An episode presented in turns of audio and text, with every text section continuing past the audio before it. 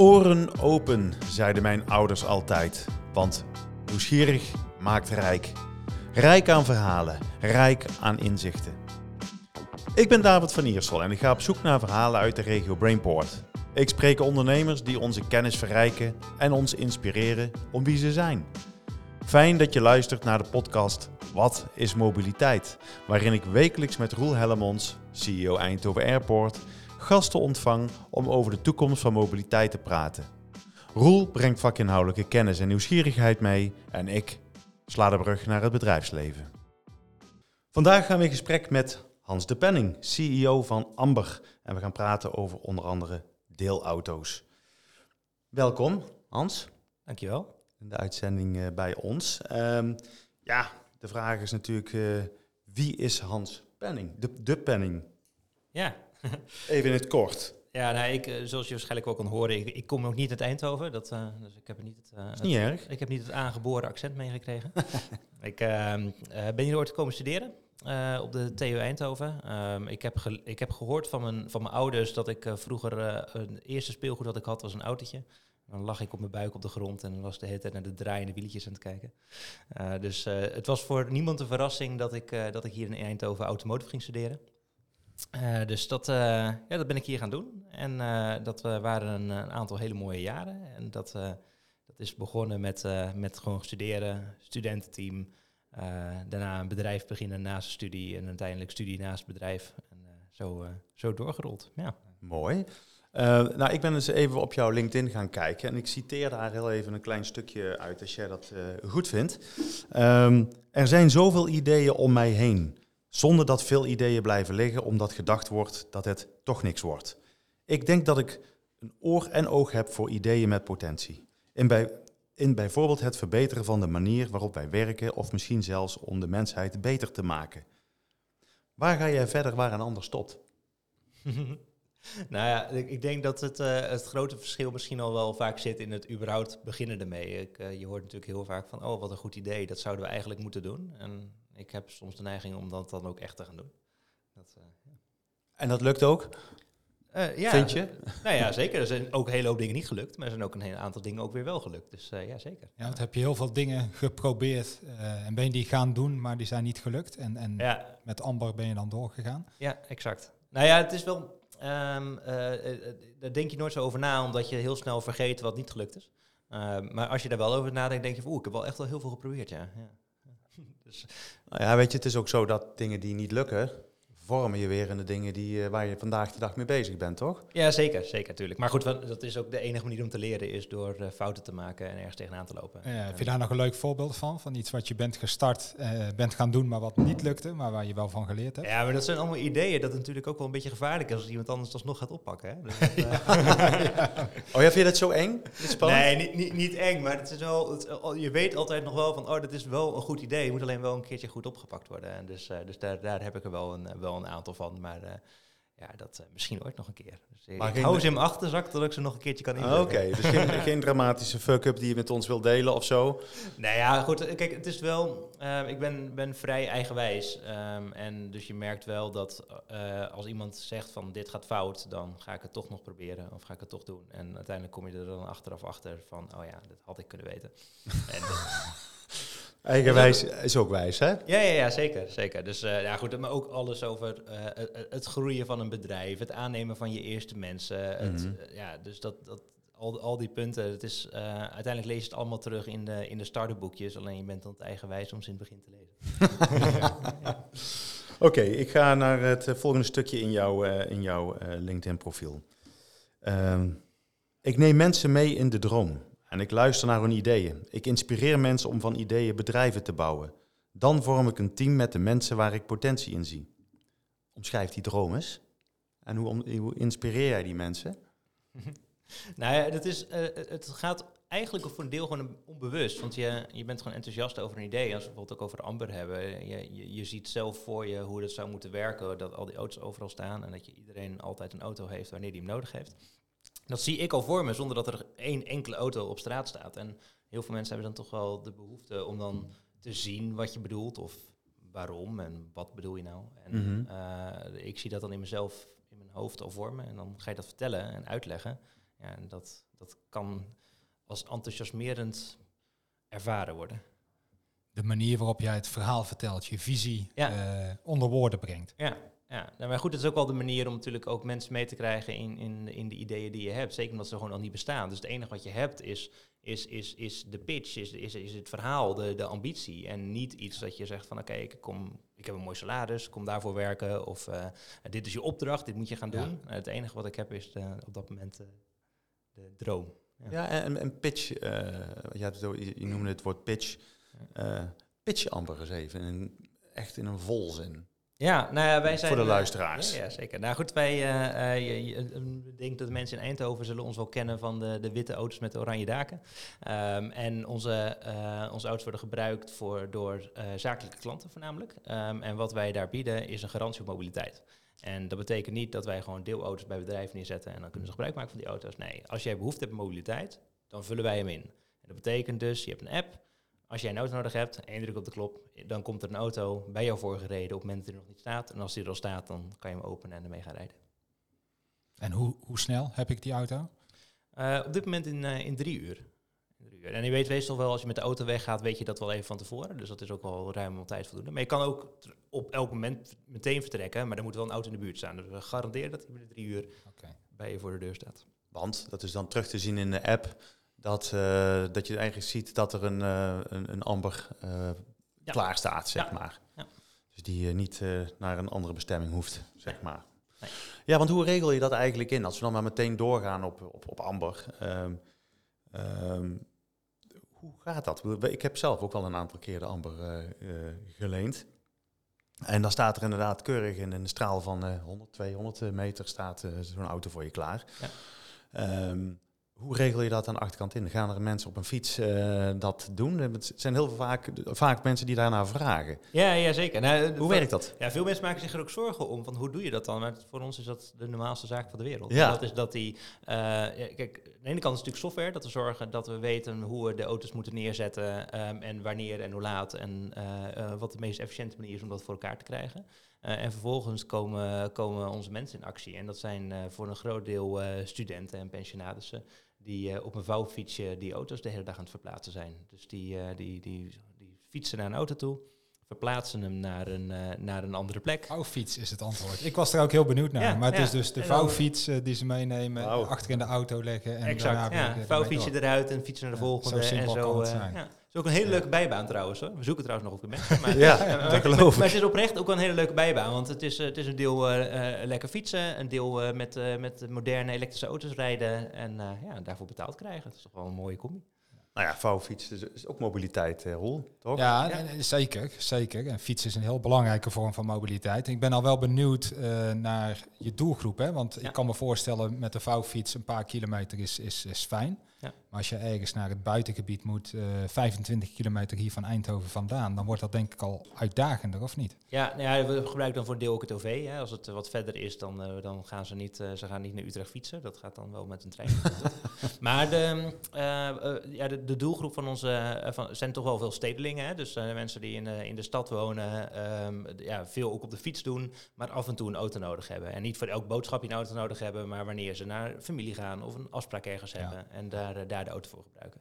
Dus we zitten veel in de, in de grote steden. Dus ja. eigenlijk alle grote steden van Nederland, daar zijn wij heel erg actief. Um, en daar, uh, daar kan je dus een, een amber auto pakken. En, uh, ja. en is het de, de beweegreden voor mensen om het te gebruiken een uh, negatieve? Oftewel, als ik een auto heb, kan ik hem niet parkeren? ik, ik heb risico in een drukke stad dat hij dat die schade krijgt en daarom doe ik dit maar. Of, of is het ook echt een positieve drijfveer, omdat je wat extra's brengt wat, wat, wat je eigen auto niet brengt. Ja, nou, voor, voor mensen die het wel eens gebruikt hebben, het is natuurlijk ontzettend makkelijk. Hè. Je hoeft je nergens zorgen over te maken. Je weet dat als je een reservering maakt, dat er een auto komt. Ja. Um, uh, hij is, die, die, die is schoon, die staat voor je klaar. En als je hem weer achterlaat, dan, dan heb je er ook geen zorgen meer van. Uh, dus dat, dat maakt het gewoon een, enorm makkelijk en ja. en ja, convenient om een, uh, een, een andere auto te gebruiken. Ja. Ja. Daardoor is er eigenlijk geen reden om een eigen auto te hebben. Dus laten we omdraaien. Dus niet het gaat niet om de nadelen van het hebben van een eigen auto, maar er is geen noodzaak meer toe, omdat het gewoon veel makkelijker en, en... Het enige wat je natuurlijk, uh, dus die vraag zou jou heel vaak gesteld zijn, de, de emotionele waarde van je eigen auto, die je met je eigen spulletjes en je eigen merk en je eigen bekleding die je hebt uitgekozen. Hoe, is dat aan het veranderen met nieuwe generaties? Ja, dat is inderdaad dus niet de doelgroep. Dat is, uh, ja, nou ja, goed. Dat is ook zo. als, je, als je veel waarde hecht aan, aan een eigen auto en je pepermuntjes in het dashboardpakje en je uh, inderdaad het kiezen van een, een leuk kleurtje, ja, dan, dan heb je een hele andere passie. En dan heb je ook een hele andere reden om die auto te gebruiken. Dat is omdat je het een, een, verlengstuk van jezelf ziet. En die, dat, is een grote, dat is een grote groep in Nederland. En daardoor rijden er ook een hele hoop mooie auto's rond in Nederland. Nou goed, als je om je heen kijkt op straat, zie je ook heel veel auto's dat je denkt, die zijn niet voor autoliefhebbers. Nee. Um, en uh, ja, dat zijn typisch ook de doelgroep voor Amber. Dat is, ja, uh, ja een auto is, is makkelijk, omdat dat de, de beste manier is om van, uh, van een, een, een, moeilijk bereikbare plek naar een andere moeilijk bereikbare plek te komen. Ja. Maar, maar het vehikel wat er nu is, dat is een, een BMW. Uh, hoewel, er is, er is, een Volkswagen nou ja. bijgekomen, maar in de oorsprong ehm, uh, helemaal in het begin, toen jullie opgericht werden, was nog even het idee dat jullie met een eigen voertuig zouden komen, toch? Ja, ja goed teruggezocht. Wat is er uh, misgegaan? Nou ja, Marien ten Houten, die, uh, die kennen we allemaal in deze regio. Die, ja. die kwam dat natuurlijk vertellen. Maar wat is er misgegaan? Nou ja, er is niets misgegaan. Ik denk dat we uh, slimmer en uh, scherper geworden zijn in waar we nu de toegevoegde waarde kunnen bieden. En um, in het begin was het inderdaad zo van we willen het hele systeem ontwerpen. Dus dan gaat het inderdaad van een auto tot aan autonome systemen tot aan uh, deelauto's. Mm -hmm. En op een gegeven moment is het wel zo, dan moet je je focus aanbrengen in waar je op dat moment goed in kan zijn om het te laten werken. En als je bijvoorbeeld bij een Lightyear, dat gaat dan echt de auto, autobouwkant op en bij ons zijn we echt de uh, deelsysteemkant op gegaan. En ja, dan kunnen we wachten tot die eigen auto af is, maar we kunnen ook gewoon beginnen en uh, auto's die, die nu geschikt zijn gebruiken om het te starten. Ja, nou ja, en, en, het prototype is zeg maar, daar is het bij gebleven. Ja, ja die staat nog in Helmond. Ja. Hij bestaat echt nog. Op ja. de Automotive Campus, denk ik. Ja, kijk, zoals het hoort. En, okay. en, waar ben je dan wel, uh, of niet wel, waar, waar, ben je echt heel goed in als Amber, uh, wat, je, wat je onderscheidt? Is dat dan die, die, die technologie, die, die software wat je zegt? Of, of uh, ja, het is, een, het, is, het is, een combinatie van de, van de operatie en de software. Dus hoe, hoe, efficiënt wij omgaan met die auto's, dat slim verplaatsen en dat we de operatie hebben staan om ze te kunnen verplaatsen. Een soort van thuisbezorgd voor auto's. Dat is, uh, ja, dat is, dat is ja. uniek. En ja. daar zijn wij ook heel erg goed in. Daar hebben we ons in gespecialiseerd. Ja. Ik ga een uh, stelling inbrengen. Um, die, uh, die, ja, ons zal zetten tot nadenken. Autodelen een flop of stilte voor de storm? Ja, geen van beide. Het is een, het is een trend die, die al in volle gang is. Je ziet alleen nog niet overal. Dus als je, als je in Amsterdam kijkt ja, dan kan je er ook niet meer omheen. Er is, er is niemand die nog twijfelt over of autodelen er is. Als je, als je in de grote steden, als je in Berlijn bent, is het er ook al. En wat je nu ziet, is dat het steeds meer aan het uitrollen is naar steden die wat kleiner zijn. En ja, wij zien dat dus ook. Dus ook in, in, in dat tempo uh, groeien wij ook door al de, alle uh, uh, niet 1 miljoen plus inwonersteden heen. Nee, want ja, ik kwam een, een, onderzoek tegen, dan moet ik toch wel even mijn bril voor opzetten. Um, um, ja, dat is um, het onderzoek van kennisplatform voor mobiliteit Crow. Ja. Die hebben gezegd dat uh, op papier er inmiddels 971.000 autodelers zijn. Dat lijkt heel wat, maar uh, het KIM, Kennisinstituut Mobiliteit, kwam eerder deze maand met heel andere cijfers.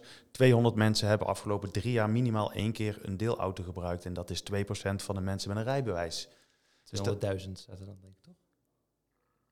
Wat zei ik dan? 200? 200. Oh, 200. Nee, 200. Oh, dat is... Nee, 200 is wel. Dan zouden we een ander soort gesprek hebben. Ja, ja, ja zeker. Hè, maar uh, nee, klopt. 200.000. Uh, uh, excuseer. Um, maar dat is, dat, zijn, dat is een behoorlijk nou ja, rekensom. En als ik daar nog eentje mag toevoegen, van alle autoritten worden er slechts 0,02% met een deelauto uitgevoerd. En dat aantal is volgens de KIM sinds 2014 niet gegroeid. Dan, ja, als ik dat dan lees in de voorbereiding voor dit gesprek, denk ik, oei, hoe gaan we de toekomst bekijken? Want het kan ook zijn dat dit juist eigenlijk met de urbanisatie-inwording eh, die er komt, ja. dat we hele andere behoeftes gaan krijgen. Vandaar ook de stelling, niet zozeer of het de flop is, maar op dit moment als ik de cijfers zo bekijk, dan word je er niet vrolijk van als ondernemer. Maar uh, stilte voor de storm kan ook zijn, ja, we hebben iets uitgevonden, maar dat moet nog het levenslicht echt gaan zien. Ja, ja wat, wat, wat zeker wel interessant is, en ik denk dat natuurlijk de corona speelt daar ook een rol in, dat het daardoor ook, um, uh, ook tijdens corona nog een heel stuk harder is gegaan. Maar eigenlijk alle autodeelplatformen, alle grotere platformen, die zijn flink gegroeid de af, in die periode waar ze het ook over hebben. Um, dus daar is, daar is ook nog een tegenbericht op. Die heb ik eh, zelf niet zo mooi uitgeprint als jij. Maar, uh, maar er, is, er is ook, um, je ziet dat zeg maar ook het verschuift van soorten deelauto's. En het waren natuurlijk heel veel in het begin ook peer-to-peer -peer deelauto's. Dus auto's die jij zelf deelde met de, met de buren. Ja, je ziet dat dat, dat aandeel aan het, aan, het, aan het krimpen is. En dat juist de platformen heel erg aan het groeien zijn. Um, en daardoor heb je ook gewoon een ander gebruik en een andere regio's waar ze, nu, uh, waar ze nu actiever aan het worden zijn. Dus het is wat verschoven. Het is niet echt dat het, uh, uh, dat, dat, het, dat het klein is gebleven of gekrompen. Maar laten we naar Amber kijken, naar de, ja. naar de ontwikkeling die jullie hebben doorgemaakt. Dat begon natuurlijk met een prototype, daar zijn we net ja. over gesproken. En oké, heel snel kwam er een andere behoefte uit voort. Dus dat begon met uiteindelijk één wagen. En hoe groot is het wagenpark nu? Hier in Eindhoven bijvoorbeeld, in deze regio. Uh, ja, dat verschilt bij ons continu. Dus wij, wij, ons, uh, wij, wij, wij, hebben niet een vast aantal auto's op een plek staan. Dus uh, bij ons mm -hmm. beweegt het de hele dag door het, door het hele land heen. Um, ja, we hebben nu een, een, kleine 300 auto's rondrijden. Um, en op het moment dat, zoals nu, de lockdown vrijer wordt gelaten, groeit dat aantal uh, ontzettend hard. Um, dus uh, ja, de komende periode zullen dat, uh, zullen dat een heel stuk meer worden. Als je dan naar Eindhoven alleen kijkt, daar, daar rijdt, nou, ik denk dat er rond de, tegen de 100 auto's wel zo'n beetje in de regio hier rondrijden. Continu. Ja. Ook bij jou op het vliegveld, Roel? Daar, daar zien we ze ook, ja. ja. We hebben geen, geen vaste plaats bij ons, maar nee. ook daar komen ze uiteraard. Ja, ja, ja zeker. Ja. Waar ik nog wel benieuwd naar was, uh, want eigenlijk heb je een, een, een, taxi zonder chauffeur of, of een Uber zonder chauffeur. Ja. Uh, waarom zouden mensen daarvoor kiezen en niet meteen die chauffeur er dan ook maar bij? Uh, is dat dan prijs of zijn dat andere dingen? Uh, nou, uh, uh, prijs speelt natuurlijk een rol. Hè. Kijk, een uurloon in, zeker in, in Nederland is erg hoog om een chauffeur te hebben. Dat is, in, ja. in andere landen is dat, is dat weer anders. maar wat je ziet is dat um, het juist ook de vrijheid biedt om, als je zegt, oh nee, ik moet toch nog even wat ophalen of ik moet toch nog ergens anders langs, dat je die vrijheid hebt op het moment dat je gewoon zelf aan het stuur zit, letterlijk. Uh, dus wij, uh, wij bieden ook als alternatief voor als al onze auto's op zijn, bieden wij ook taxis aan. Uh, om te zorgen dat mensen toch van A naar B kunnen komen. Want ja. dat is uiteindelijk waarvoor we het doen.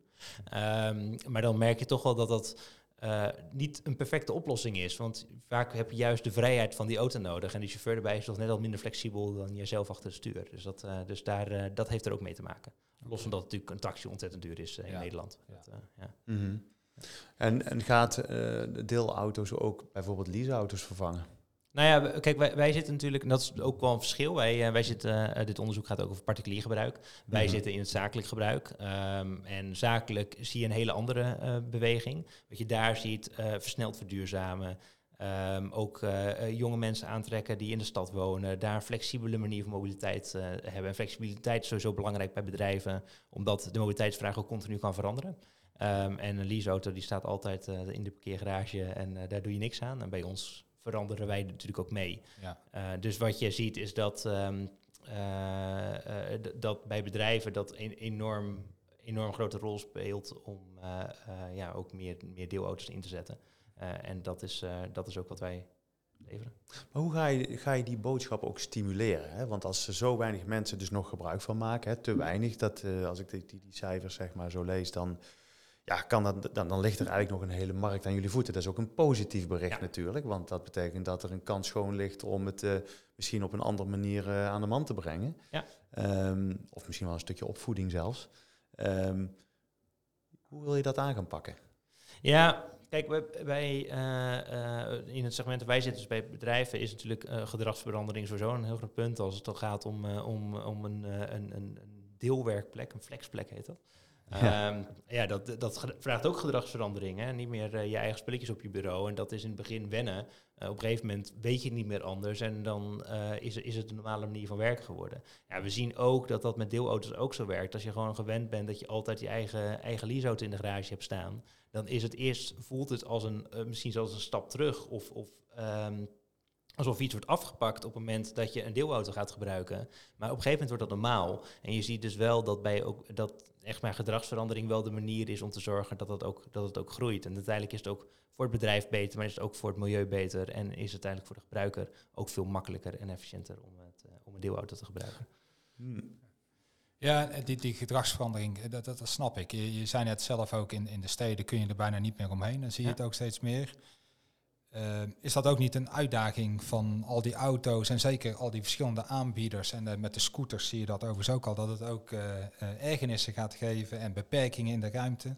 Hoe, hoe, hoe zie je dat? Ja. hoe gaan jullie daarmee om, die verantwoordelijkheid die je daar hebt? Nou, kijk, sowieso ervaren we dat met auto's minder dan met inderdaad fietsen en scooters. Um, kijk, als iets geen eigenaar heeft, ga je er normaal gesproken minder zuinig mee om. Dat, dat, dat zie, je, zie je vaak wel gebeuren. Kijk, wij het is, eh, we halen het ook een beetje uit de anonimiteit. En het is ook wel dat op het moment dat, dat er iets is, weet je, dan word je ook benaderd. En uh, het is wel dat je een, een, daar ook wel een functie in hebt als, als aanbieder om ook gebruikers op aan te spreken op het moment dat ze inderdaad uh, ja, de, de, ruimte vervuilen of het zich niet aan de, aan de regels gelden waar een, waar een stad mee gebaat is.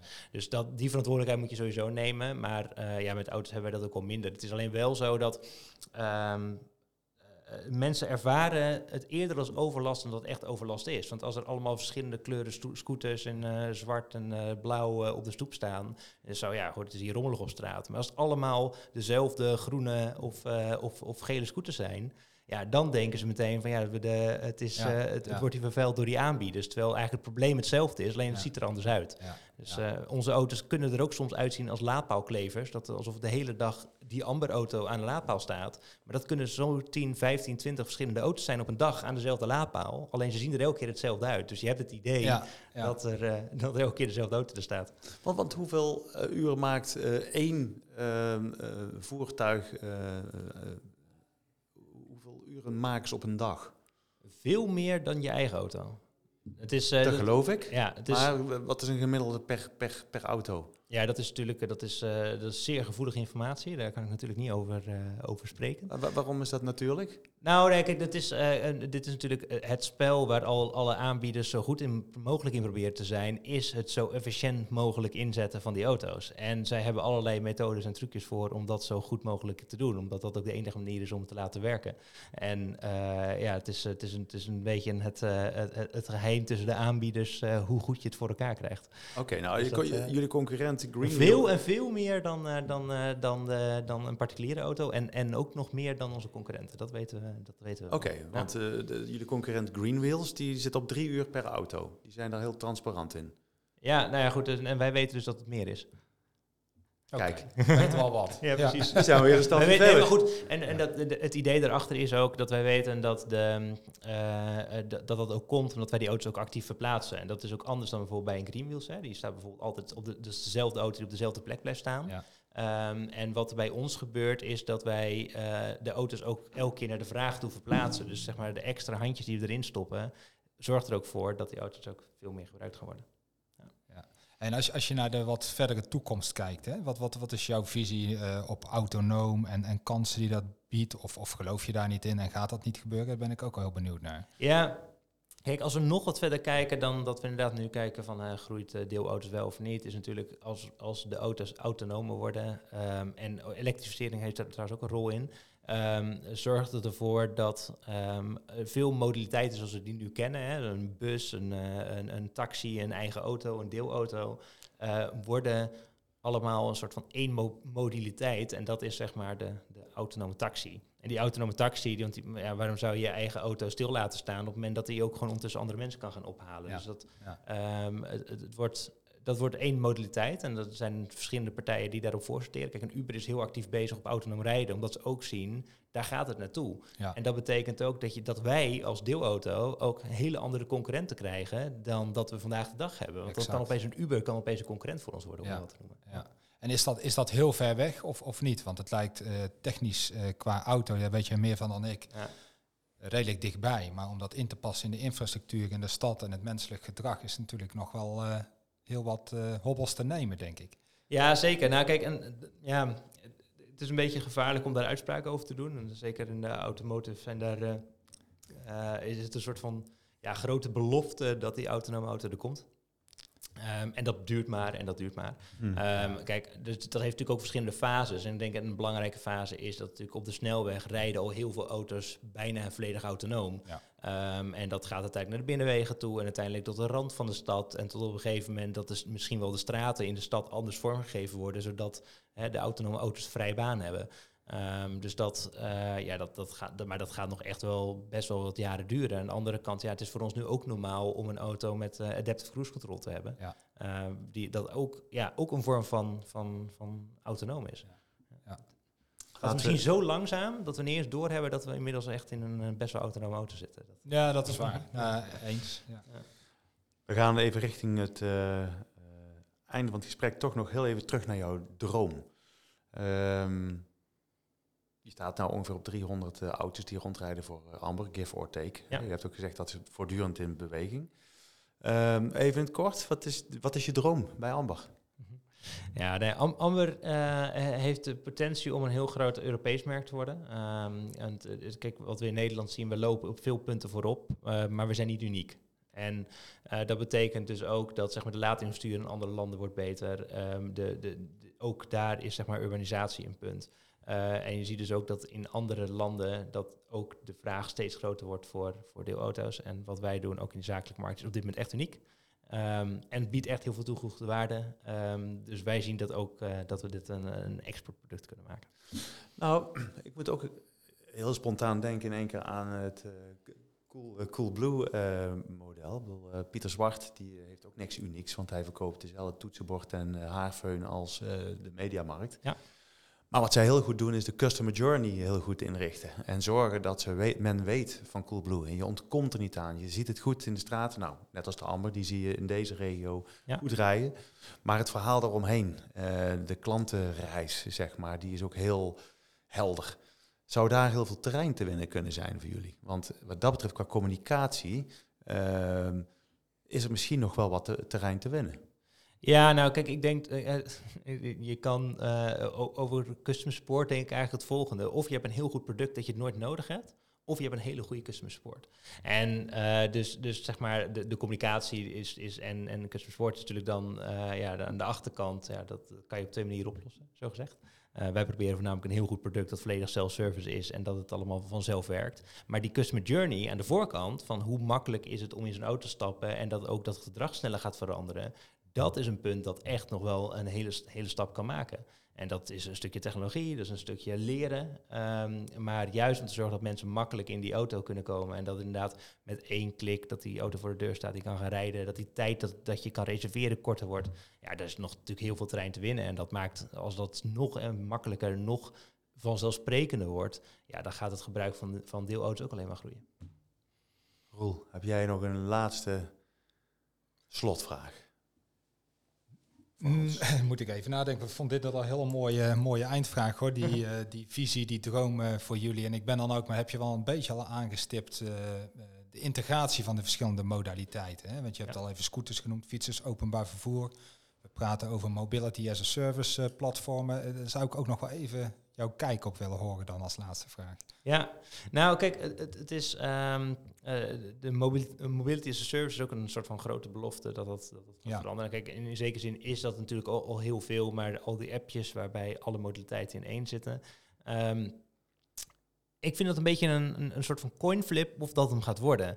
Ehm, om, om de reden van, ja, je gaat fietsen, dan pak je je fiets. Dan pak Ja. je ook je fietssleutel. Dus waarom zou je dat in één app moeten hebben? Er is helemaal geen reden toe eigenlijk. Want als je gaat fietsen, dan pak je je fietssleutel. Als je met de auto gaat, dan pak je je autosleutel. En zo moet je natuurlijk ook straks naar die apps gaan kijken.